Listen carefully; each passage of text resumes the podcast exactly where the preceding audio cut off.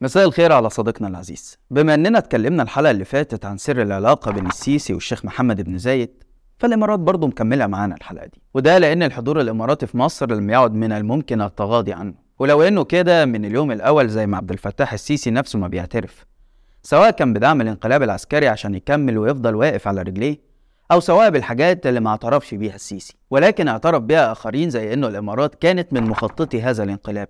بدعم حركة تمرد بالأموال والتنسيق. طبعا رغم إنه الكلام واضح ومحدش من الأطراف ده بينكره سواء من نظام عبد الفتاح السيسي أو حتى من الإمارات. لكن البعض بينكره بحجة إنه إيه اللي هتستفاده الإمارات يعني من الانقلاب العسكري في مصر. خلينا أبدأ معاك الأول شوية كده من تحليل النهج السياسي ودوائر مصالح الدولة الإماراتية. في الوقت اللي كانت فيه عدوى الربيع العربي بتنتشر بين الدول العربية بشكل سريع وحكام دول عربية بيتساقطوا واحد ورا التاني وشرارة الثورة وصلت البحرين يعني نقدر نقول كده إنها وصلت الخليج العربي. كان الهدف الأول في الوقت ده لحكام دول خليجية وحتى عربية تفادي الشرارة دي وقرر كل حاكم يعمل ده بطريقته. اللي قرر يحتويها زي المغرب والأردن واللي قرر يستنى يكبر دماغه. وفي بقى اللي أعلن من اليوم الأول عداؤه للثورة دي وزعل لما مبارك تنحى وقوم له محامين.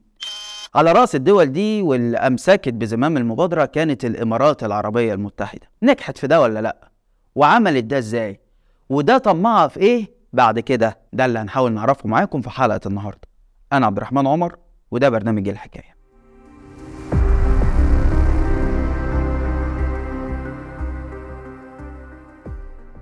أهلا بيكم. أكتر حاجة بنسمعها خلال السنوات الأخيرة لكنها كترت جدا السنة اللي فاتت هي الاستحواذات الأجنبية على قطاعات مهمة جدا في مصر. وخليني أكون أكثر تحديدا معاكم. مش أجنبية قوي يعني. لأن دول إخواتنا زي ما عبد الفتاح السيسي بيحب دايما يقول عليهم وهم فعلا إخواتنا الخليجة. قطاعات مهمة قد يصل بعضها إلى إنه يكون أمن قومي لمصر زي قطاع الأدوية والقطاعات المصرفية وليس انتهاء بمرافق صناعية كبيرة. بس اللي أنا عايز أقوله لك يا صديقي العزيز إنه العلاقات بين الدول لا تقوم على منطق الإخوة إلا في مناسبات محدودة جدا. زي إنه مثلا يكون في كارثة طبيعية زي زلزال تركيا. فتبدأ تلاقي الناس بتمد إيدها بالمساعدة. وحتى دي كمان بتكون محسوبة جدا وبتظهر حسبتها في حجم المساعدات وطبيعتها ومستوى التفاعل مع الحدث من السياسيين في البلدين. فدي أول حاجة محتاجين نتفق عليها إنه الدول لا تبني علاقتها الخارجية بناء على أي شيء غير المصلحة. فاللي عبد الفتاح السيسي بيروج له من إنه الإمارات تفضلت على مصر بكثير من الأموال ووقفت معاها في محنتها ده كلام مش حقيقي. لأن الإمارات من اليوم الأول بتدفع فلوس في مصر وعارفة هي هتاخدها إزاي سواء بقى تستردها في شكل فلوس وأصول واستثمارات أو في شكل تأثير وتحكم في القرار السياسي أو في شكل تخلص من شبح الثورة مثلا أو في شكل تعطيل لمسارات النهضة المصرية واللي حتما هتاخد من حصة الإمارات. فخلينا نشوف إزاي الإمارات قدرت تنفذ معانا في مصر ما يشبه الاحتلال وعمال بيضحك علينا ويقول لنا ده بيساعدونا حبايبنا وإخواتنا. الشعب الإماراتي إخوات الشعب المصري صحيح. وابن زايد أخوك أنت لأنه بأسئلة بسيطة جدا نقدر نعرف الفلوس اللي دفعوها في الأول وبتقول إنها كانت على شكل مساعدات مجردة راحت للشعب فعلا ولا في جيبك؟ حد يقدر يجاوب على سؤال كم مليار دخلوا مصر في شكل مساعدات إماراتية؟ اتصرف منهم كام وفين؟ وإذا كانت التقديرات بتشير إلى إنه في أكتر من 60 مليار دولار في السنوات الثلاثه الأولى بعد الانقلاب المفروض إنهم مساعدات خليجية مش إماراتية بس. فراحت فين الفلوس دي؟ وهنا بقى نشوف الإمارات عملت إيه على طول. الإمارات ما صبرتش لحظة علشان تسترد فلوسها ومساعداتها دي. فمن اللحظة الأولى الإمارات تخلصت من خلال الانقلاب العسكري من الثورة بشكل عام ومن خصمها الشخصي اللي هي تيارات الإسلام السياسي. وبدأت تنفذ من خلال المساحة دي للدولة المصرية وتؤثر في توجهاتها وقراراتها. لدرجة إننا بقينا نشوف ابن زايد عنصر رئيسي في افتتاحات القواعد العسكرية زي قاعدة 3 يوليو وقاعدة محمد نجيب وقاعدة برنيس. وهو هنا مش ضيف شرف اطلاقا لا. لما نيجي لأوج الاستفادة الإماراتية على مستوى الجيش والحرب هندرك إن في تحركات مصرية عسكرية كتيرة في السنوات اللي فاتت دي مدفوعة بمصالح إماراتية أكثر من كونها مصرية.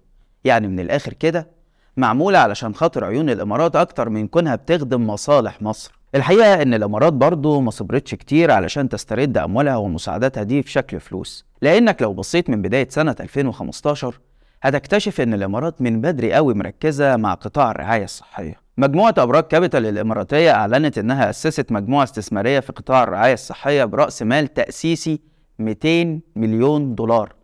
وبدأت تتداخل بصفقات صغيرة لشراء مستشفيات محدودة لغاية سنة 2017 وشفنا كمان استحواذات رهيبة على أكبر معامل التحليل في مصر اللي هو معمل البرج والمختبر. و15 مستشفى خاص كبيرة دفعة واحدة تقريبا أو على فترات متقاربة جدا. وانعكاس ده طبعا بيظهر بوضوح في الفجوة اللي حصلت في مجال الرعاية الصحية ما بين القطاع الحكومي والقطاع الخاص لأنه سيطرة طرف ما على قطاع كامل بيخلي رقبة الحكومة في إيد الشخص المستثمر ويبدأ ضغوطه بقى علشان البرلمان يفصل له قوانين تزيد من أرباحه ويبدأ يضعف المنافس اللي هي المستشفيات الحكومية علشان هو مستشفيات وتعرف تشتغل وتكسب. وندخل بقى مسار ملوش نهاية من الآثار الكارثية للاستثمار بمنطق تخليص الحق لأنه ده نوع مفهوش أي توازن. وأحب هنا ألفت نظرك عزيزي إن ده آثاره الكارثية واضحة بس إحنا ما بنربطهاش ببعض لأن من فوق كده شكلها فعلا ملهاش علاقة ببعضها. لكن لو دققت في التفاصيل مش بعيد تلاقي إن نفوذ المستثمرين في القطاع الصحي الخاص هو اللي معطل وضع قوانين تحسن من أوضاع الأطباء في مصر. واللي بيخلينا كل يوم نشوف موجات هجرة للأطباء الحكومة نفسها شايفاها ومعترفة بيها. اللي حصل وبيحصل في قطاع الرعاية الصحية يتوازى معاه مسار الاستحواذ والسيطرة على القطاع المصرفي في مصر. وأنا هنا مش عايز أقول ان ده اخطر من السيطرة على القطاع الصحي لأنه الحقيقة ان اي قرار مرهون لغيرك مهما كان صغير فهو خطير. لكن لما نشوف امبراطورية الامارات المصرفية في مصر بتتضخم يوميا بصفقات معلنة زي الاستحواذ مثلا على هيرمس للاستثمار وهي واحدة من أكبر الشركات المعنية بالاستثمار المصرفي في مصر والشرق الأوسط كله. ومش بس هيرمس ده بنوك وشركات وغيره كتير. وده كله غير صفقات الدمج والاستحواذ غير المعلنة. الاهتمام المبالغ فيه من الإمارات بالقطاع المصرفي مثير للشكوك الحقيقة. في بلد بتعاني من أزمات سيولة واضحة جدا صنفتها وكالة فيتش الائتمانية ضمن الأخطر في العالم وأدت لانسحاب بنوك عالمية من السوق المصرية زي الأهلي سوسايتي جنرال و BNP وسيتي بنك الأمريكي والوطني العماني وباركليز مصر وغيره كتير. فده يثير تساؤل. إزاي بنوك أمريكية وفرنسية وكندية بتتخارج من السوق المصري بشكل متتابع وفي دول تانية بتسعى للسيطرة وصفقات الاستحواذ؟ ده بشكل واضح في حاجة مش مفهومة. مؤخرا رئيس الحكومة مصطفى مدبولي أعلن طرح 32 شركة للاستثمار في البورصة. طبعا دي خطوة في الظروف الطبيعية ما بتتمش بسهولة غير إن البساطة والتلقائية اللي حصلت بيها من غير أي نوع من أنواع المكاشفة حوالين أرقام الشركات دي مقلق. وتبص تلاقي الإمارات داخلة شايلة شركات كاملة الحكومة بتقول لنا إنها بتخسر. فده مش معقول يعني حد يدخل يشتري حاجة بتخسر. ومش معقول برضو إن مصر مش هتعرف تشغل شركة والإمارات الدولة اللي مع كل احترامنا طبعا لشعبها لسه بنت امبارح هتعرف تشغلها وتكسب منها. هنا بقى بيظهر التأثير اللي الإمارات بنت له من بعد الثورة وسخرت جهود كبيرة للدفاع عن نظام عبد الفتاح السيسي في الغرب والحفاظ عليه. علشان في لحظة زي دي دولة كاملة زي مصر ما تقدرش تقول لا للإمارات. نيجي بقى للجانب الأخطر فعليا وهو ارتهان السياسة الخارجية لمصر برغبات الدولة الإماراتية. يعني إيه الكلام ده؟ يعني الدولة صاحبة التاريخ الطويل وصاحبة الحجم وتعداد السكان والمكانة التاريخية العظيمة اللي هي مصر طبعا بقت للأسف دلدولة بشكل واضح جدا للإمارات وبتقيم علاقاتها وتحالفاتها وتنصب عداءاتها وفقا لأجندة الإمارات. وفي الآخر يا ريت الإمارات بتعمل ده وهي بتراعي جزء من المصالح المصرية بالعكس بتشعر كده إن الإمارات بتورط مصر أكتر. ودي تصرفات محتلين يا جماعة.